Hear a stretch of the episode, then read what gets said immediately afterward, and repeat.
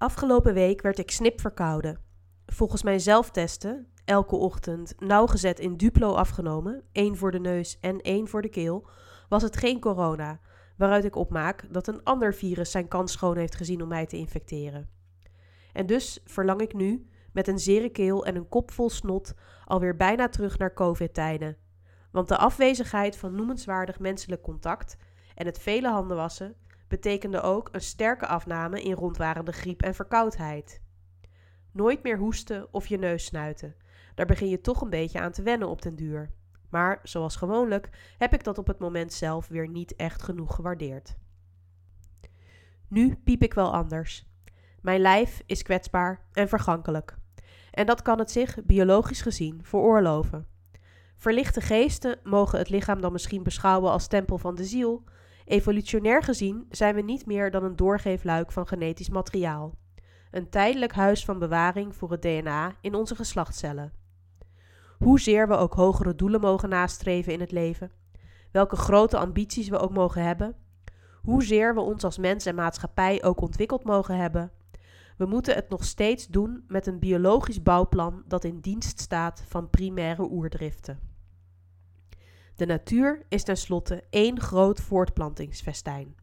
Van het virus dat zich nu even in mijn luchtwegen heeft gevestigd om zich van daaruit weer verder te verspreiden, tot alles wat nu de lente zijn hoogtepunt heeft bereikt, zo welig groeit en bloeit. Zo is de polder vlak bij mijn huis op dit moment één grote kraamkamer. Van knuffelzachte lammetjes die weggelopen lijken uit een wasverzachterreclame, tot een zeer beschermend grutto-ouderpaar dat de aanvalstactieken van de terroruil doet verbleken. En ik heb de aanloop helemaal tot stand zien komen, in een zich wekenlang uitstrekkende paringsdans en seksuele orgie. Er werd fladderend tegen elkaar opgebokst en gakkend geparadeerd. Soms ging het er hard aan toe. Zo weet ik nu waar die schattige jonge eendjes vandaan komen. Want een tijdje terug was ik getuige van hoe een woerd een vrouwtjeseend bevruchtte in de sloot, waarbij de dame in kwestie allesbehalve zachtzinnig onder water werd gedrukt. Met romantiek heeft de gemiddelde voortplanting in het dierenrijk bar weinig te maken. Al heel vroeg tijdens onze embryonale ontwikkeling treedt er een afsplitsing op tussen dat tijdelijke, vergankelijke lichaam en de zogenaamde kiembaan of germline. Die kiemcellen of germcells komen uiteindelijk terecht in de geslachtsorganen, de gonaden. Hiervoor gaan ze al in het embryo op reis. Het is lastig voor te stellen, maar terwijl de rest van ons lichaam zich vormt, trekt daar een groepje kiemcellen als een stel nomaden dwars door al die processen heen naar de plek waar de interne geslachtsorganen zich gaan vormen. Welke kant het opgaat met die geslachtsorganen en met de kiemcellen wordt in principe bepaald door onze geslachtschromosomen, de befaamde X en Y. Als je weet wat daar allemaal bij komt kijken en hoe subtiel dat op moleculair niveau gereguleerd is, dan is het bijna een wonder dat die geslachtsbepaling doorgaans binair uitvalt. Want in aanleg zijn de geslachtsorganen tussen chromosomaal mannelijke, XY, en chromosomaal vrouwelijke, XX, individuen identiek. We beginnen allemaal met een zogenaamde bipotential gonad.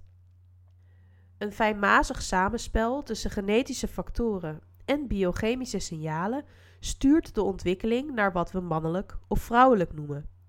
Zij bepalen of de bipotential gonad zich richting testis of eierstok ontwikkelt en dus of de kiemcellen zaadcellen of eicellen gaan worden. Pas in tweede instantie ontstaat de rest van ons voortplantingsgestel onder invloed van hormonen. Is er veel testosteron en is het embryo daar precies goed genoeg gevoelig voor, dan vormen zich zaadleiders, prostaat en penis. Is er geen testosteron, maar wel oestrogeen, dan vormen zich eileiders, baarmoeder en vagina. Mijn moeder, die vroeger verpleegster was, vertelde mij ooit, toen ik nog op de lagere school zat al, dat die biologische ontwikkeling soms fout kon gaan. Zelf kan ze zich dat geloof ik niet meer herinneren, maar ik ben het nooit vergeten. Andere, meer praktische zaken heb ik trouwens gewoon van de ingezonden brieven in de hitkrant en vriendinnen op het schoolplein moeten leren. U ziet, al in de allereerste aanleg is de menselijke seksualiteit complex. En dan hebben we het alleen nog maar over de fysieke component en niet over seksuele gevoelens en gedrag. Dat de biologie dynamisch en divers is, behoeft geen twijfel. Wat normaal gevonden wordt, is aan mens en maatschappij. Gelukkig zijn normen er om bijgesteld te worden.